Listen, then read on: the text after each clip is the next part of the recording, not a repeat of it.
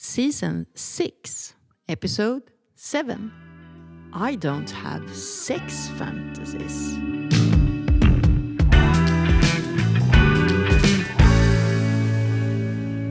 Or do I? I mean, a fantasy doesn't have to be an activity like I'm fantasizing and, and putting effort and uh, priority or focus to this fantasy to keep it going. It could also be just a thought that appears out of nowhere.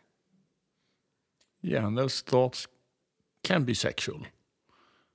Uh, but so if you're not having these planned sexual thoughts, you might have these, let's call them spontaneous sexual thoughts, but you're not paying attention to them, you're not noticing them.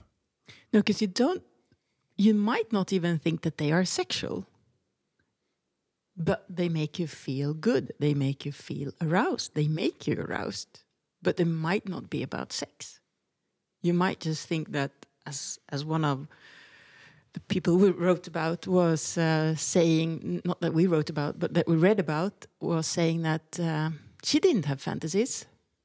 But when she had sex with her husband and she put her arms around his back and he was on top of her, she was thinking about how big and muscular he was and how small and petite she was. And that made her aroused. But she had never, ever said that she was having fantasies. But that's exactly what it was. Yeah, she didn't just didn't know it. No. And um, it can be the same. Some people say that they, they don't dream, Yeah. but of course, everyone dreams. Um, they're just not paying attention to them or noticing them or remembering them. Mm.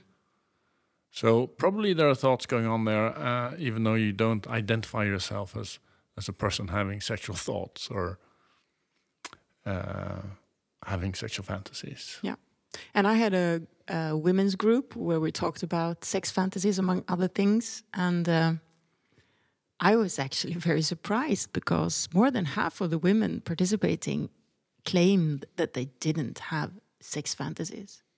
It was like they didn't even allow themselves to admit to themselves that they had thoughts or fantasized about sex. And we spoke a lot about that, and they. Uh, they thought that their upbringing had sort of put a cultural don't do this Yeah. And is this more of a women's thought? Do you think? Some of these women had had uh, they were uh, uh, outside European Yeah. upbringings. yes yes maybe maybe it's a women thing i don't know a shame women thing. mm. But another area where where this comes in is um, you you don't have to have sexual thoughts or fantasies on your own or with your partner, uh, but uh, when you're having sex, but you can have it during masturbation as well. Most people fantasize about something when they masturbate.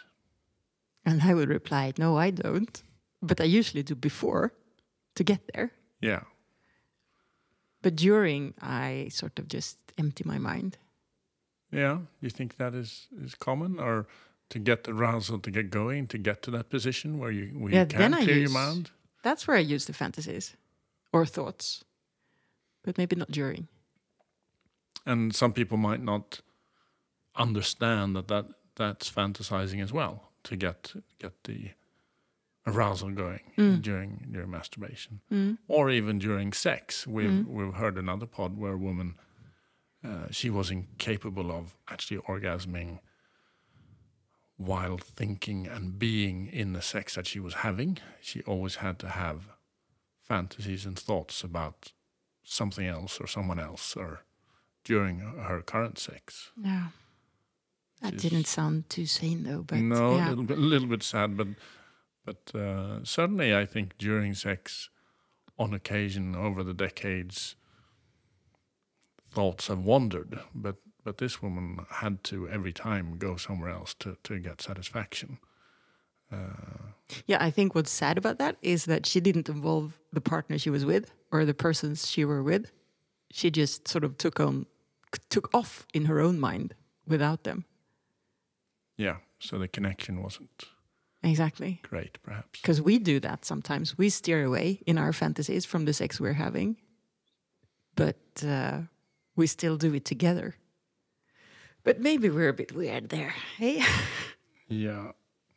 So, what if you want some inspiration here and you want to uh, refill your sexual fantasies and thoughts? yeah, you first you need to allow yourself and admit to yourself that you are having thoughts of sex and fantasies about sex and, and say that that's perfectly normal, I would say. So, yes, you are normal. And um, keep it coming. Yeah, you don't want to be sort of deep frozen when you want to have sex. You you want to keep this pot of lust simmering, right? So you need to refill it, replenish it. What do you do? What can you use? Well, you, you can use your partner because you can share share thoughts and ideas and teases between each other. Mm-hmm. So that is a way of of having uh, shared uh, common fantasy play, if you want to call it that. Uh, but certainly you can use uh, pornography or erotic novels or write erotic novels, Mm-hmm. Sexting to each other. sexting to each other. Um, And just on a side note, when we say pornography, remember that there is female producers for producing pornography from another perspective than the uh, the old style pornography that's out there too. So choose wisely, one Yeah. that fits for both of you. but some people also uh, just enjoy erotic photographs, which maybe aren't Oh yeah, completely nude either or, No. or sexual. So th- there are many different ways uh, to gain a little bit of inspiration. Mm. but make sure you find something that works for you. Yeah. And what about if you have lots of sex already? You have a great sex life. Does that mean that you fantasize less? It could be, perhaps. I don't know. There's no time in between all the sex to fantasize about sex. Is that for you? Are you talking about yourself Well, now? maybe sometimes. Or maybe you're just thinking about the next sex you're going to have, and that is, in fact, a fantasy as well. You're planning the next sex that you're going to have. Yeah, you know, I claim that uh, foreplay starts at the last orgasm. You know that. So for me, it's like a constant refill all the time. And what about when you grow older or um, Different periods of life.